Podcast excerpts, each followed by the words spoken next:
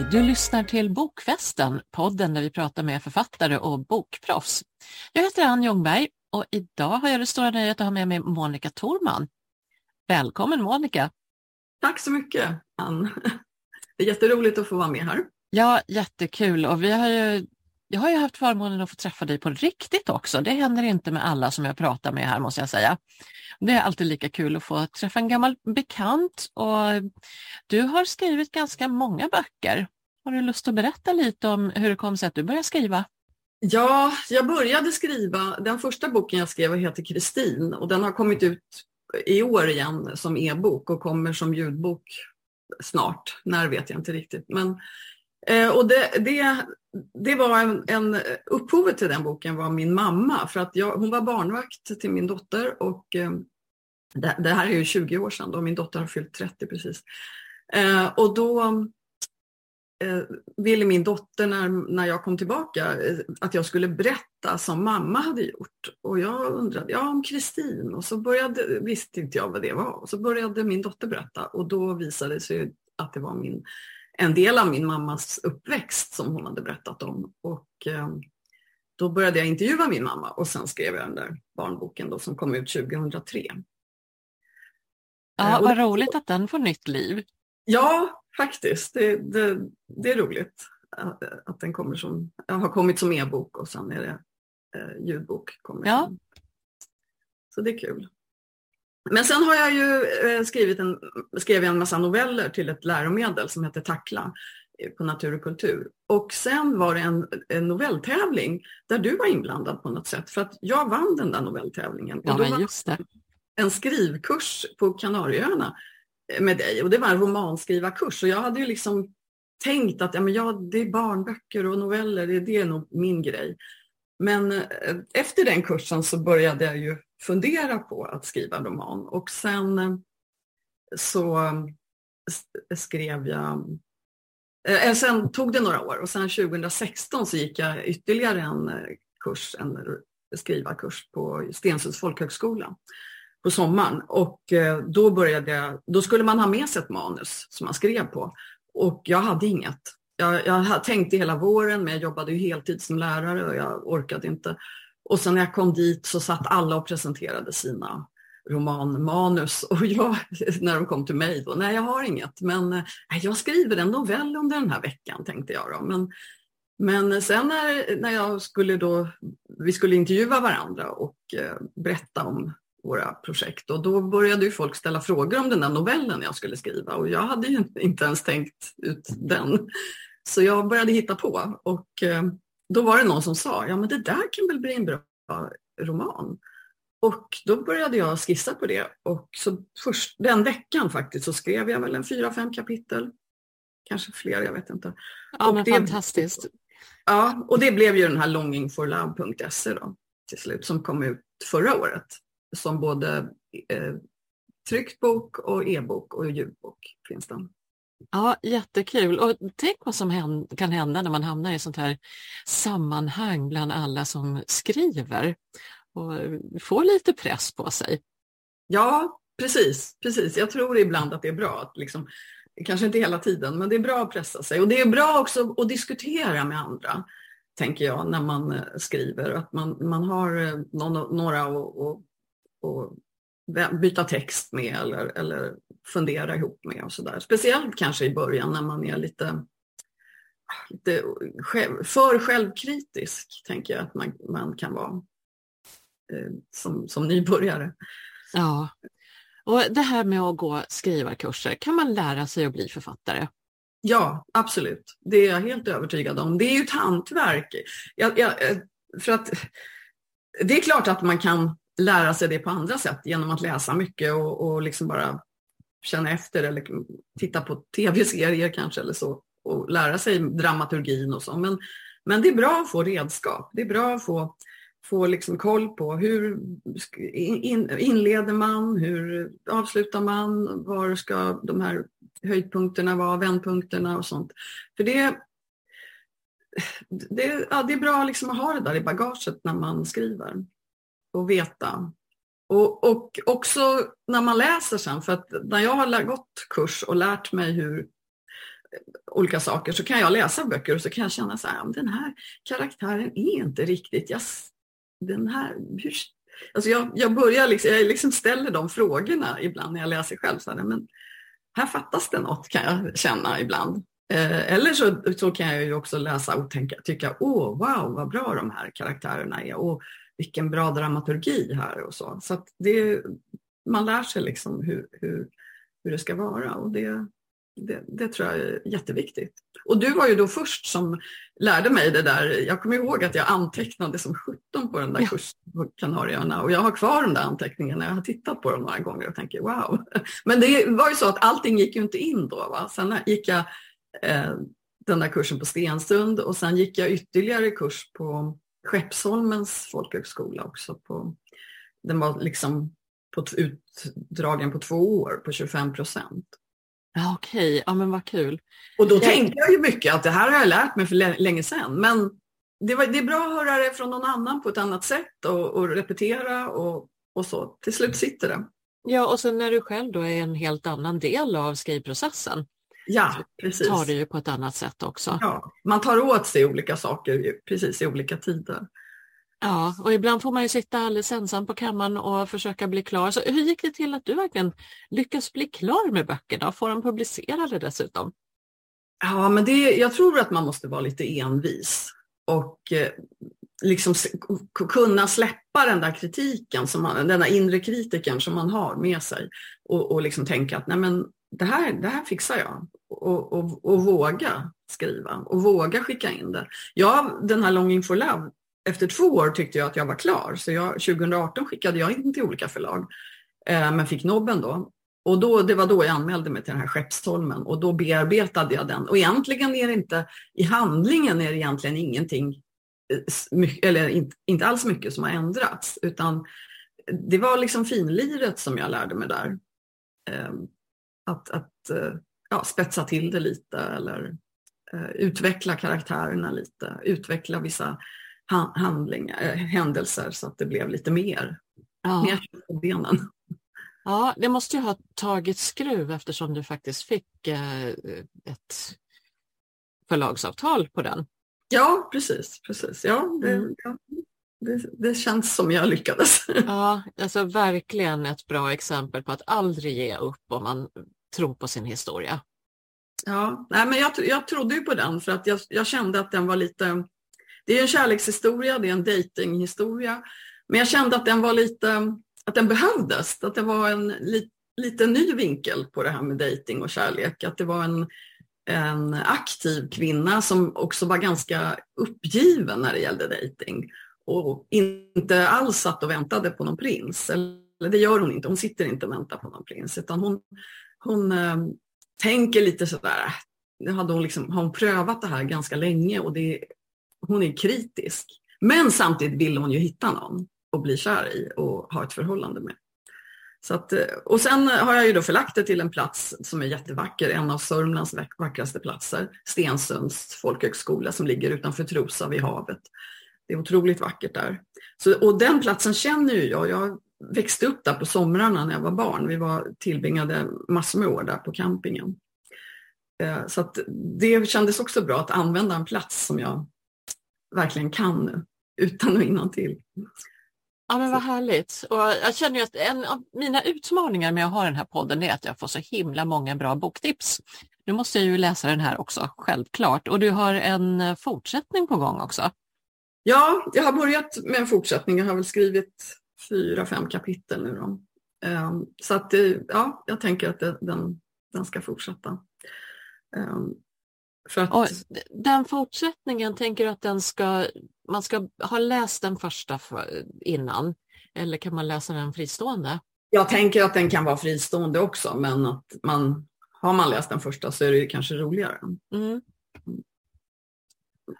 Och vilka är, vilka är dina idealläsare? Tänker du en, en målgrupp när du är inne i sista finliret? Ja, när jag skrev den här då tänkte jag faktiskt på kvinnor i 40-årsåldern. Eh, när jag började med den så var jag ju 50 plus någonting själv då, men jag hade ju liksom så att, och jag tänkte också eh, att, att ja, det var sådana som dejtade och också som kanske har en liten feministisk idé. Eller, ja, för det har hon, huvudpersonen. Hon är feminist och hon eh, irriterar sig ganska mycket på män som tar plats. Okej. Okay. Och det, ju, det, kan man ju göra.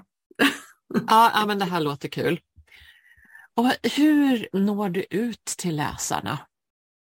Ja, alltså dels har ju förlaget gett ut boken och den finns ju att köpa överallt, men det garanterar ju inte att den säljs. Det är ju svårt att eh, nå ut. Nu, nu har jag den här sommaren har jag varit två gånger ute på Stensund. Dels har de ju sommarkurser så jag ska, har varit och pratat på, på deras sommarkurser om boken och jag har varit på Frisksportarnas riksläger på Stensund och pratat om boken för någon vecka sedan och jag ska tillbaka igen. De har sommarkurser här i augusti också. Då ska jag tillbaka igen och prata om den. Men eh, sen har ju jag, så, så har ju förlaget skickat ut en del pressmeddelanden och sånt. Eh, och det händer ju inte så mycket kanske när man är debutant.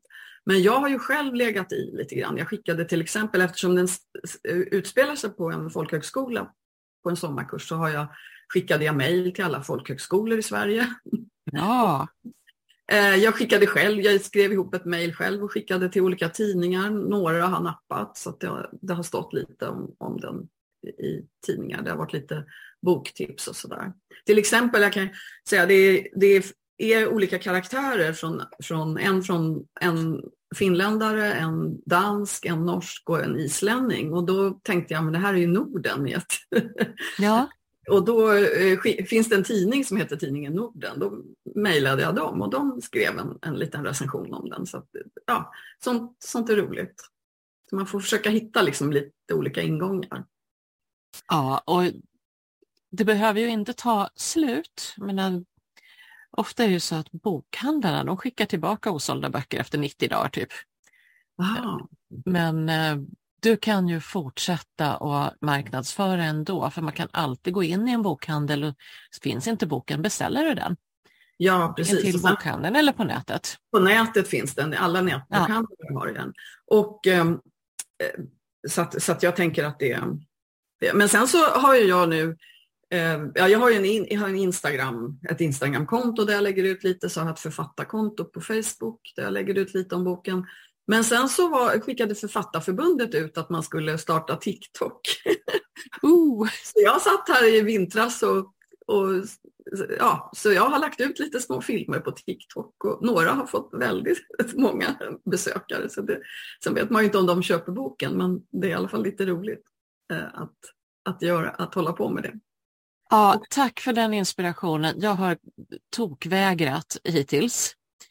Eh, även om jag varit snabb, väldigt snabb på alla möjliga sociala medier och allt tekniskt överhuvudtaget, early adopters, men TikTok har jag inte fastnat för. Men jag måste ju in och kolla vad du har gjort och ja, kanske börja jobba lite själv där också. Vi får se. Ja, jag tror man når sådana som inte skulle ha, ha ens en gång tänkt att titta på boken så kanske någon av dem tänker åh, nej men jag har ju Storytel eller jag har ju Bookbeat, men den kan jag lyssna på. Ja. Jag tycker att det är tillfälligheter som gör det. För jag, nu när jag själv har TikTok så sitter jag ju där och bläddrar ibland och då har jag ju faktiskt sett någon bok, reklam om någon bok som jag aldrig, aldrig skulle ha stött på annars som jag nu har kollat upp. Så det, det, jag tror att det kan vara något faktiskt. Ja, bra tips för andra författare som lyssnar här och för er som eh, vill lära er mer om vilka böcker som finns. In och kika på TikTok. Spännande. Mm. I, var får du dina idéer ifrån? Ja, det är ju det är så. Den här, ja, jag får dem från allt möjligt kan jag säga. Eh, mig själv såklart lite grann, lite idéer, men sen Sen eh, kan man liksom utgå från någon händelse och så kan man spåna på. Jag är ganska bra på att sitta och fantisera om olika saker. Så, att, så att när jag väl är igång, det, det är det roligaste i processen, att, att eh, dra iväg och hitta på grejer och, och fantisera och vad skulle hända om det där händer och hur ska jag göra? Och, nej, här bör jag nog ha kan inte bara en man hon blir kär i, här måste det vara flera konkurrenter och ja, sådär. Så att det, det, men sen plockar jag ju lite händelser jag varit med om eller eh, till exempel så i Longing for Love så bestämde jag då att eh, vi pratade ju mycket, eller det pratar ju ni kurslärare mycket om att man ska gräva där man står och skriva om sånt man kan. Och då tänkte jag så här, ja, vad kan jag? Jo, jag har tävlingssimmat när jag var barn eller ung och jag har paddlat kanot och har nio SM-guld. Så tänkte jag, det kan jag. Så då är en av karaktärerna simmar, en av karaktärerna är paddlar. För, för då, det var liksom lite roligt att ha med det då. Ehm. Ja, men då förstår jag varför dina karaktärer är så aktiva. Ja, ja. och det, det, är faktiskt genomgående nu när jag tänker efter i alla mina noveller jag har skrivit, nästan alla, så gör de någonting. Va? De springer orientering eller de åker längdskidor eller paddlar eller seglar eller simmar eller så. Och det är ju för att jag själv är sån och har gjort jag har hållit på mycket med sport själv. Så, ja, och så, och så badar de bastu? Ja, precis. precis. Och det är ju för att bastun där på Stensund ligger otroligt fint och det är liksom det är en, det är en vacker plats också. Så att. Sen kan ju allt hända i en bastu, tänker jag. ja, say no more. Men om nu någon lyssnar som blir sugen på att börja skriva böcker själv, vad är ditt bästa tips när man ska komma igång? Ja, eh, dels tycker jag, börja på en skrivkurs. Eh, och köp någon skrivhandbok också, det är bra att ha hemma och bläddra i och läsa lite. Men sen, sen får man ju liksom eh, sitta och skriva varje dag lite grann. Men, men jag, jag är inte den där som sitter varenda dag ett visst antal timmar eller en viss tid och så. För att vissa dagar känner jag mig så trött eller jag bara känner att nej men det här, idag behöver jag städa och handla och göra andra saker och då gör jag det. Och sen kan jag ibland sitta lite längre någon annan dag. Och det, det är så jag funkar.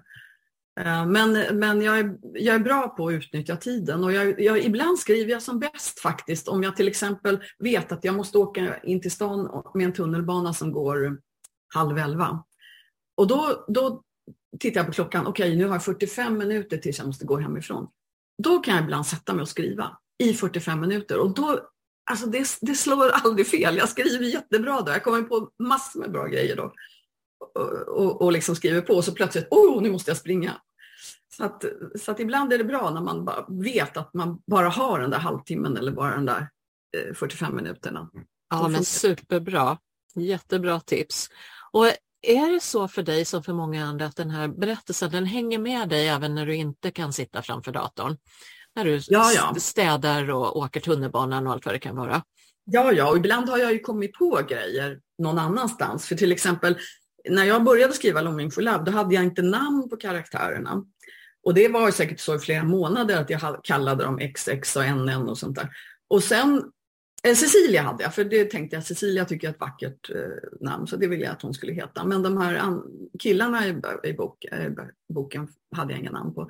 Men sen så, Ruben till exempel, då, var, då hade jag börjat jobba på hösten och så var jag i lärarrummet där det var massor av fack, en jättestor skola jag jobbade på med tusen elever, så det var massor med lärare.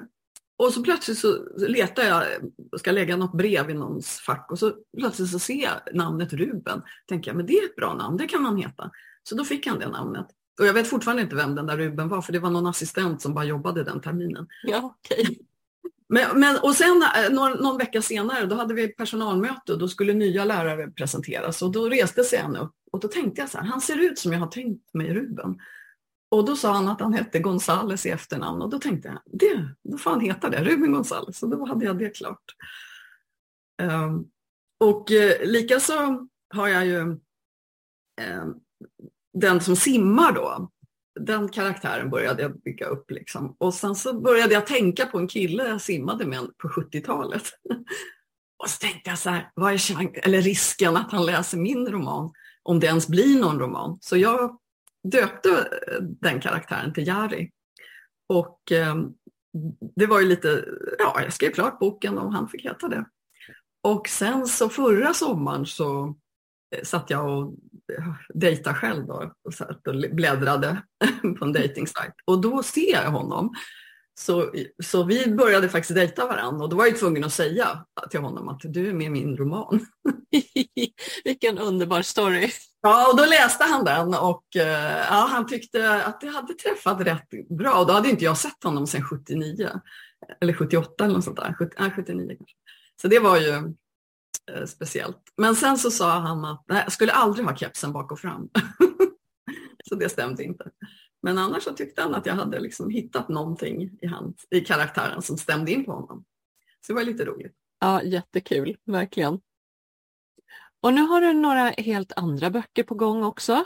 Eh... Ja, eh, precis. Eh, I Longing for Love så har jag ett tema också med alkohol och eh, alkoholberoende. Och eh, det, det, har jag fortsatt och utvecklat då i en barnbok som jag eh, som har skrivit klart ny, nyligen. Eh, så, och då är det barn som har föräldrar som eh, dricker och bestämmer sig för att göra någonting åt det där. Eh, men det, jag vet inte riktigt när den kommer ut. Så att, men sen har jag också skrivit en deckare som utspelar sig i Stockholm. Eh, men den är precis färdigskriven och jag har inte något förlag för den än. Men det är klart att jag hoppas att det, den ska se ut också. Ja men visst, och vad kul att du skriver i så många olika genrer. Ja, det är lite för att utmana mig själv, tänker jag. Att jag liksom, äh, Ehm, ja men nu vill jag prova det här. Eller de, egentligen är det så här, deckaren, idén till deckaren, den kom när jag fick refuseringsbrev på Longing for Love. För jag fick från ett ganska stort förlag ett oförskämt elakt eh, refuseringsbrev. Och jag läste upp det för en kompis som jag bytte text med och som jag, en, en författarkompis. Och hon eh, sa, men herregud, hur kan de skriva så där elakt? Eh, tänk om man är, må, mår dåligt, då kanske man går och tar livet av sig, sa hon då. Mm. Och då sa jag så här, ja men tänk om man är en galning, en terrorist eller har tillgång till vapen och blir så arg så man går upp och gör någonting mot det här förlaget. Och då sa hon, det där ska jag ju skriva om, du skriva om, sa hon då. Och då gick jag hem och började på den här deckaren och den börjar med, alltså precis första raderna, att ett förlag sprängs. Så att, tack för idén, säger jag till det där förlaget. Vansinnigt roligt och att du kan vända en sån grej till någonting som blir ett helt nytt kreativt projekt. Underbart! Den boken längtar jag efter. Ja, ja vi får se. Ja, jag får verkligen önska dig lycka till både med de böcker du redan har ute och att fler hittar till eh, longingforlove.se och att eh, uppföljaren gör att den första får liksom en ny kick också. Det brukar gärna vara så att kommer en uppföljare så, så hittar folk till den första och det är jättekul. Ja, ja mm. jag, hoppas på det, verkligen. Ja. ja, men jättekul att du ville vara med här Monica. Ja, tack och för att jag sagt, Lycka till med allt.